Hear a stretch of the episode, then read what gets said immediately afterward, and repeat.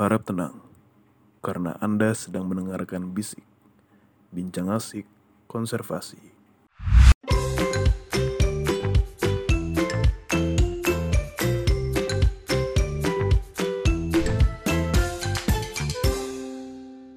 Hai hai halo generasi konservasionis. Kenalin aku Fardan Aulia dan selamat datang di podcast Bisik, Bincang Asik Konservasi. Nah, pada episode yang sekarang ini kita akan membahas topik mengenai tanaman herbal. Sekarang saya di sini sudah bersama dengan uh, salah satu narasumber kita nih, Mas Prim. Nah, Mas Prim ini merupakan cutting saya dan merupakan senior di KSHE, tepatnya itu uh, KSHE angkatan 52. Ya. Halo Mas Prim. Halo. Nah, gimana nih kabarnya? Alhamdulillah eh, baik dan sehat. Alhamdulillah. Gimana nih Mas Prim uh, mengenai tanaman herbal nih? uh, mungkin bisa dikasih uh, kisi-kisi dulu kali ya. Kenapa nih tanaman herbal kok menarik untuk dipelajari begitu atau dicari tahu tentang tanaman herbal? Oke ya, uh, kan akhir-akhir ini kan lagi COVID ya, lagi marah ya, udah hampir dua tahun atau satu tahun setengah. Uh, jadi tren tanaman herbal itu kan naik lagi ya, karena banyak yang digunakan untuk penyembuhan lah katanya atau untuk meningkatkan imun dan sebagainya Padahal kan dari dulu ya masyarakat kita itu sudah memanfaatkan tumbuhan-tumbuhan uh, yang berkhasiat obat sebagai minuman ya. Dan ini kan kembali ke tren zaman dulu sebenarnya. Dan ini bagus juga untuk kita kembangkan apalagi kita di KSC ini kan juga mempelajari terkait uh, tumbuhan herbal atau tumbuhan obat itu. Jadi uh, prospek ke depan itu sungguh sangat bagus dan menjanjikan mungkin untuk dijadikan sebagai uh, sarana wirausaha tumbuhan obat. Gitu. Hmm, benar-benar. Jadi uh, benar juga nih kata Mas Prim. Yang kita tahu juga kan Indonesia ini negara biodiversitas ya, yang pasti tumbuhan dan tanaman itu sudah sangat beragam. Uh, nah, uh, saya uh, kita pengen tahu nih, menurut pendapat Mas Prim, apakah betul bahwa tanaman herbal tersebut dapat bermanfaat sebagai upaya peningkatan imunitas tubuh gitu. Ya, uh, seperti yang tadi Fardan sampaikan itu ya Indonesia itu kan negara dengan kekayaan keanekaragaman hayati yang tinggi ya. Salah satunya spesies-spesies tumbuhan yang berkhasiat obat.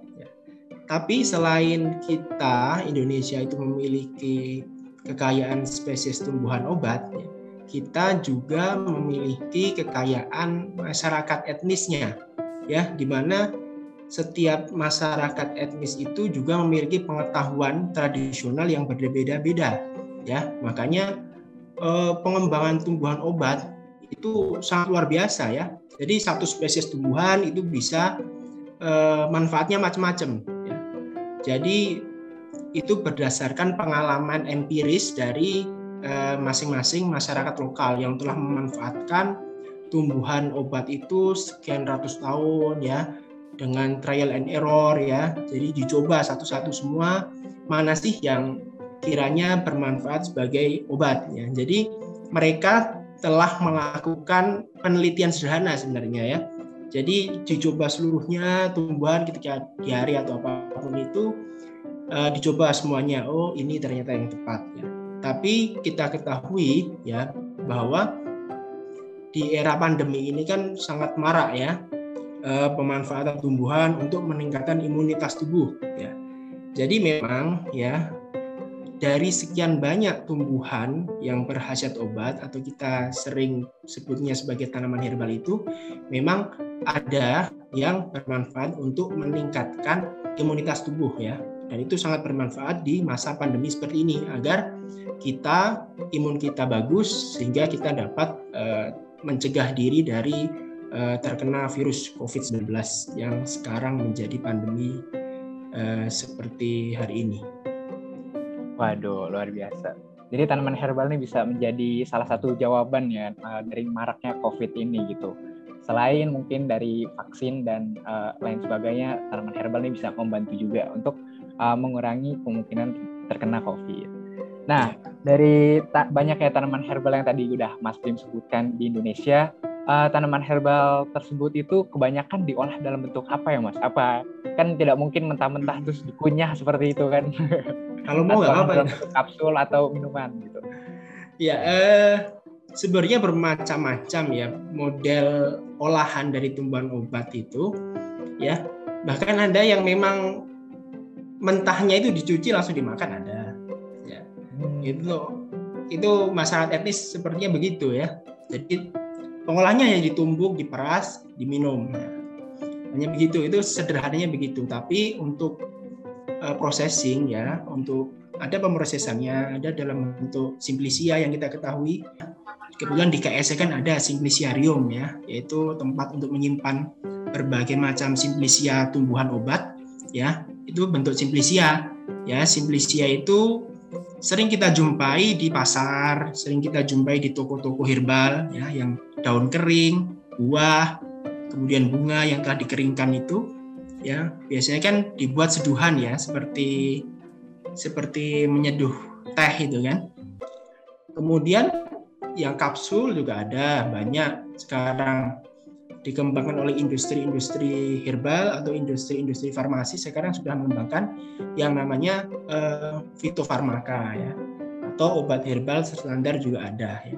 Jadi di Indonesia ini ya pemanfaatan tumbuhan obat itu bisa dibagi menjadi tiga sebenarnya ya yaitu sebagai jamu yang kedua fitofarmaka, yang ketiga obat herbal terstandar. Nah, terus eh, jadi bentuk dari eh, pemanfaatan tumbuhan herbal itu ya selain simplicia, kemudian kapsul, kemudian berbentuk minuman ya. Kan ada banyak itu minuman saset dan ada yang langsung tuang tinggal minum itu kan. Nah, kemudian eh, salep juga ada ya. Jadi tumbuhan obat itu tidak selain diminum ataupun dikonsumsi uh, secara langsung juga dipakai untuk pengobatan luar ya, seperti salep, kemudian uh, parem dan sebagainya. Wah, wah. Karena saya baru tahu juga nih ada yang bisa uh, dijadiin salep gitu ya. Kalau blao itu termasuk salep juga bukan, Mas Prim? Apa? Blao yang buat gondongan. Oh iya. Saya belum pernah lihat ya. Oh, itu belum ya? itu, eh ya belum pernah lihat. Hmm, ya itu yang biru-biru biasa dipakai buat orang gondongan gitu. Oh. Saya penasaran juga jadinya. Nah, uh, menurut pendapat Mas Prim nih tadi kan uh, sudah cukup banyak ya yang apa sudah mulai populer lah bisa dibilang sekarang tanaman herbal di Indonesia. Nah, uh, kira-kira nih pemanfaatannya di masyarakat ini udah cukup baik atau belum gitu mas?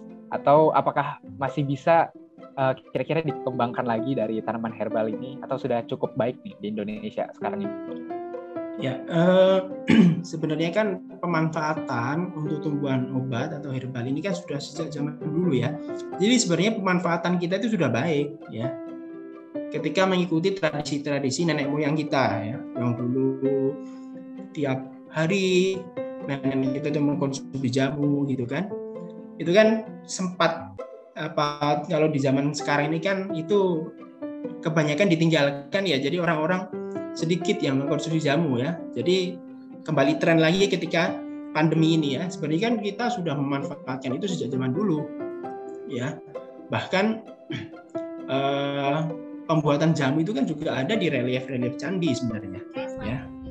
Itu sudah sudah sudah sejak zaman kerajaan itu sudah ada pembuatan jamu sebenarnya ya di relief candi itu sudah ditemukan relief jamu gitu kan.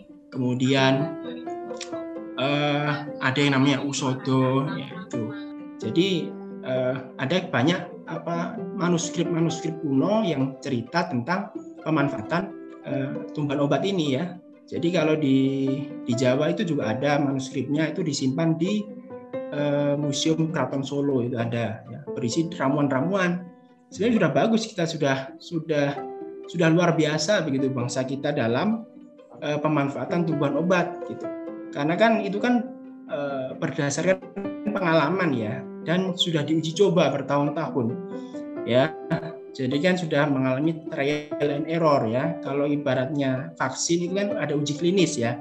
Uji klinis 1, 2, tiga gitu kan masyarakat kita dulu nenek-nenek kita juga begitu ya jadi jadi dalam memanfaatkannya itu dicoba oh ini ternyata spesies ini untuk obat ini gagal nih nah, terus cari lagi cari lagi cari lagi cari lagi akhirnya menemukan nih yang sekarang kita bisa dengan mudah ya kita nggak perlu mikir lagi gitu ya kita oh kalau kita sedang diare apa ya oh itu coba daun jambu nah, kita kita udah nggak perlu mencari sebenarnya kan itu sudah sudah nenek moyang kita dulu yang mencari oh jambu daun jambu itu buat diare ya. Itu tuh luar biasa bangsa kita ya. Yang itu sekarang harus kita kembangkan ya. Dari pengetahuan tradisional nenek moyang kita ya itu harus kita kembangkan menjadi produk yang siap gitu dikonsumsi masyarakat ya. Karena kan problemnya kan kita eh, nggak uh, sempat bikin gitu kan repot bikinnya harus harus dikupas lah harus dibersihkan nanti harus direbus belum lagi ini itu kesibukan dan sebagainya. Makanya kesempatan kita nih sebagai uh, mahasiswa ya apa agen perubahan begitu ya ini kesempatan kita untuk melatih jiwa kewirausahaan kita ya bahwa prospek ini tuh sangat luar biasa ya. Karena e, kalau kita bisnis di bidang e, pangan ya ini kan kita dimaksudkan ke makanan ya pangan ya itu tuh nggak akan ada habisnya ya kalau kita buat minuman kita buat e, makanan sehat itu itu tidak ada habisnya ya. Jadi pemanfaatannya sudah baik tapi kita perlu nih inovasi-inovasi apa sih yang bisa kita kembangkan untuk pengembangan uh, tumbuhan herbal ini ke depan agar uh, tumbuhan herbal ini itu dapat uh, diterima oleh uh, semua lapisan masyarakat dari yang anak muda sampai orang tua. Kan selama ini kan biasanya orang-orang tua yang yang mengkonsumsi kan jadi belum belum jadi tren di anak muda ya. Jadi bagaimana caranya kita kita bisa ya mengenalkan tumbuhan herbal ini untuk anak muda misalnya ada kafe jamu ada minuman minuman minuman kekinian begitu yang berasal dari uh, tumbuhan herbal ya. Itu itu PR kita bersama itu ya kalau ke depan bisa ya itu bagus sekali itu itu kan jamu sebagai warisan budaya bangsa ya itu sudah di digodok sekarang ya terkait jamu sebagai warisan budaya bangsa Indonesia itu sudah direncanakan di rancangan undang-undang jamu ya yang sekarang masih dalam tahap penyusunan RUU-nya. Luar biasa banget. Oh ya, benar juga nih kata Mas Prim. Kalau tadi kan apa masih populer di kalangan orang tua, karena kan uh, banyak kan anak muda zaman sekarang tuh pengen yang cepat dan yang pasti gitu, kan makanya langsung yeah. ke dokter dan lain sebagainya uh, masih kurang dilirik nih tanaman herbal. Uh, oh iya, mau tanya lagi nih Mas Prim. Tadi mengenai simplisia. Nah, dalam pembuatan simplisia yang terbuat dari tanaman herbal sendiri, apakah dari departemen KSAE sudah mulai mengusahakan untuk membuat produk dari tanaman herbal juga, Mas? Ya, uh, di KSAE ya, khususnya di bagian kami di divisi bioprospeksi dan konservasi tumbuhan tropika itu sudah lama ya kami mengembangkan eh, produk-produk dari tumbuhan obat ya. Itu ada yang bentuknya minuman ya, ada yang salap itu sudah ada sudah ada sudah kami coba ya. Di antaranya adalah kami sudah uh, membuat uh, gula jahe merah ya. Gula jahe merah itu kami ambil dari masyarakat Baduy ya. Jadi masyarakat Baduy itu membuat gula jahe ya. Kami yang kami ambil dari mereka, kemudian kami uh, pack di sini dan kami jual gitu. Kemudian kami juga membuat uh, kopi ya, kopi kedawung ya. Jadi bukan bukan dari kopi ini ya. Jadi kopi dari biji kedawung ya. Biji kedawung itu bagus untuk uh, pencernaan ya. Jadi ini suatu inovasi baru ya. Jadi kopi kedawung ya. Kemudian eh, selain itu ada juga teh ya, bentuk teh ya, seperti teh sirsak. Kemudian eh, mau kami mau membuat suatu hal yang baru lagi, tapi ya karena keterbatasan pandemi ini ya, jadi memang beberapa produk yang ingin dikembangkan jadi eh, masih belum terlaksana. Tapi di antaranya sudah kita lakukan yaitu tadi gula jahe merah, kemudian kopi kedawung, kemudian teh sirsak dan uh, salep juga kami sudah mengembangkan salep yaitu salep binahong. Itu salep binahong ini hasil dari uh, praktikum ya, praktikum kakak kelas kalian ya yang kalau di mata kuliah konservasi tumbuhan obat itu ada praktikum membuat produk dari tumbuhan obat ya.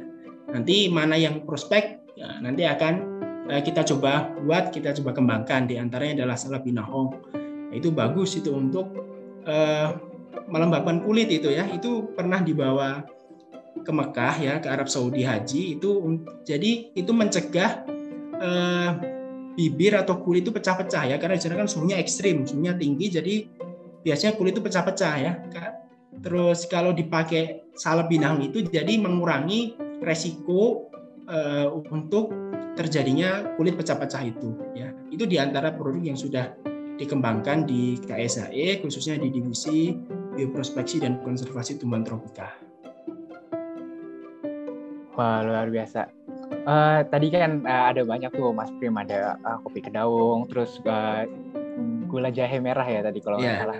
Nah itu kan uh, bisa dikembangkan di uh, de departemen KSAE. Nah kira-kira dari sekian banyak tanaman tanaman herbal seperti itu ada yang bisa kita aplikasikan di rumah sendiri nggak nih di halaman rumah gitu mungkin bisa kasih saran juga nih buat teman-teman yang mau menanam tanaman herbal di rumah gitu ya eh, kalau tanaman herbal ya sebenarnya kan banyak ya yang yang mudah untuk ditanam.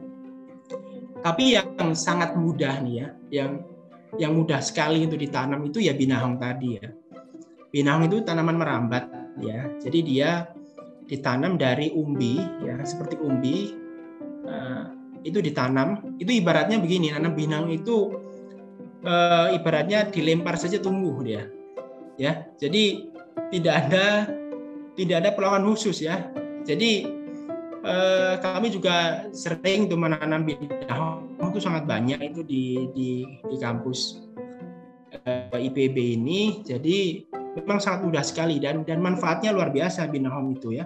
Selain dia dapat apalagi di era pandemi ini dia dapat meningkatkan imunitas tubuh karena dia memiliki aktivitas imunodulator ya. Jadi untuk aktivitas imunitas kemudian juga bagus untuk kulit tadi ketika ada luka kalau di rumah itu kan kadang eh, kena pisau gitu kan itu ya pakai aja binahom tinggal dihaluskan kemudian ditempel di bagian yang sakit seperti itu. Jadi memang sangat mudah sekali ya kalau nanam binahong. Kemudian kalau mau yang lain seperti rimpang-rimpangan itu juga mudah jahe, kencur, kunyit itu juga juga mudah ya eh, perawatannya. Tapi ya memang harus ada lahan ya. Kalau lahannya terbatas bisa uh, melalui apa pot gitu dan sebagainya.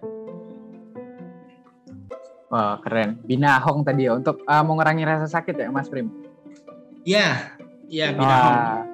Kalau untuk mengurangi rasa sakit hati itu bisa nggak tuh Mas Prim binahong tadi? ya mungkin bisa mungkin ya. Jadi oh, nggak ya? usah dipikir mungkin ya. Jadi biar nggak sakit hati nggak usah dipikir sama minum binahong gitu. Wah boleh dicoba nih teman-teman yang mungkin sedang galau nih ya binahong tadi. Uh, baik-baik uh, balik lagi ke pertanyaan awal nih Mas Prim mengenai peningkatan imunitas tubuh ya yang sekarang mungkin uh, sedang penting gitu untuk kita lakukan.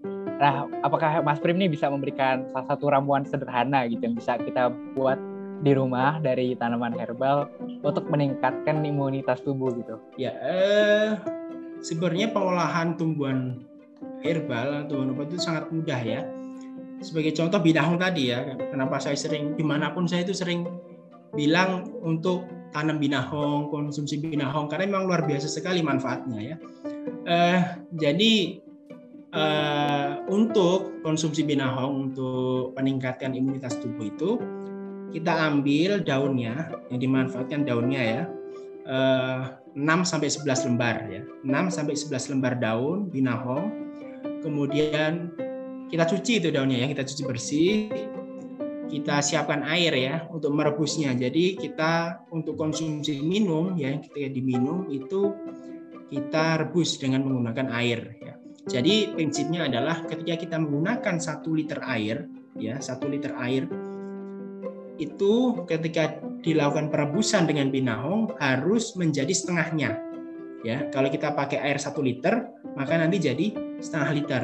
Ya, kalau kita pakai dua gelas, nanti jadinya satu gelas. Ya, itu untuk uh, agar uh, zat-zat kimia ya, yang ada di daun binahong itu itu dapat dikeluarkan tuh ya karena kan melalui proses perebusan itu kan ekstraksi ya jadi zat-zat kimia yang bermanfaat itu dapat uh, terekstrak ya. Jadi bercampur dengan air sehingga ketika kita minum itu kita minum ekstrak daripada binahong itu ya dapat uh, memberikan kesehatan bagi tubuh ya. Selain binahong itu juga bisa jahe-jahean ya rimang-rimangan itu juga bisa dimanfaatkan.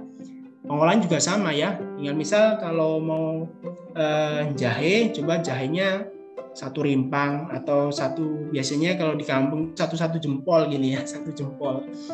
Nah itu di dikupas kemudian dicuci diiris-iris kemudian direbus sama ya. Jadi prinsipnya adalah air air satu eh dua gelas jadi satu gelas ya. itu. Jadi sangat mudah dan ini bisa diaplikasikan di mana di mana pun ya. Dari mulai anak muda sampai orang tua itu bisa sebenarnya bikin sendiri ya kalau ada kemauan gitu. Oh iya iya keren sekali mungkin bisa diaplikasikan tuh teman-teman nanti uh, bisa mungkin bisa ada binahong di rumah atau tadi jahe uh, bisa digunakan untuk meningkatkan imunitas. Nah, uh, Mas Prim, uh, mungkin sebagai closing statement kali ya, uh, kira-kira apa sih yang bisa uh, Mas Prim sampaikan gitu ke teman-teman uh, sekalian di sini uh, mengenai tanaman herbal? Karena kan mungkin sekarang tanaman herbal itu masih kurang populer, masih uh, orang lebih percaya ke rumah sakit langsung daripada mungkin mengolah ya. tanaman herbal gitu. Ya, uh, jadi begini ya. Tanaman herbal, tumbuhan obat atau jamu itu adalah warisan budaya bangsa kita yang harus tetap kita lestarikan. Karena itu memang lahir asli ya dari uh, pengalaman uh, nenek-nenek kita terdahulu ya. Jadi apalagi di era pandemi ini mari kita jaga imunitas kita ya. Kita kuatkan sel sehat kita karena hakikat dari konsumsi tumbuhan obat, jamu itu adalah meningkatkan sel sehat kita agar kita tidak mudah terserang sel sakit. Ketika sel sehat kita kuat, maka uh, itu dapat mengalahkan sel-sel sakit ya. Dan yang terpenting adalah ini yang selalu sering saya dengar dari uh, Profesor Amzu itu adalah mari kita jadikan makanan kita sebagai obat, bukan obat sebagai makanan. Ya, jadi mulai sekarang mari apa pun yang kita konsumsi itu harus uh, kita jadikan obat ya. Kita makanan makanan apa pun itu itu kita itu adalah obat kita ya. Jadi jangan sampai kita menjadikan obat itu sebagai makanan. Berarti itu tandanya kita sudah sakit. Jadi kalau makanan sebagai obat itu tandanya kita sedang menjaga kesehatan kita. Dan di pandemi ini semoga uh, menjadi budaya baru bagi kita untuk kembali uh, melestarikan budaya bangsa yaitu uh, khususnya adalah pemanfaatan tumbuhan obat atau biasa kita sering kenal dengan jamu. Baik, terima kasih. Luar biasa sekali Mas Prim. Ah, tadi uh, keren banget ya closing statement dari Mas Prim. Kalau dengan menggunakan tanaman herbal itu kita sudah uh, secara tidak langsung mewariskan budaya dari leluhur kita. Dan juga tadi yang kita uh, harus garis bawahi itu adalah uh, makan itu adalah obat bukan obat itu adalah eh apa Mas Prim aduh saya tadi lupa jadinya. Makanan makanan sebagai obat bukan obat sebagai makanan. Nah itu dia teman-teman. Bisa digaris bawahi jadi mulai sekarang mulailah kita cicil-cicil nih uh, makan makanan yang baik dan bermutu dan bisa juga um, um, menggunakan tanaman herbal gitu untuk uh, pengobatan kita sehari-hari. Nah mungkin itu saja yang bisa uh, kita apa ya sharing-sharing gitu mungkin mulai hari ini. Nah, terima kasih buat teman-teman yang sudah mendengarkan. Sekian dari saya, Fadlan Aulia. Saya pamit undur diri. Sampai jumpa di podcast Bisik berikutnya.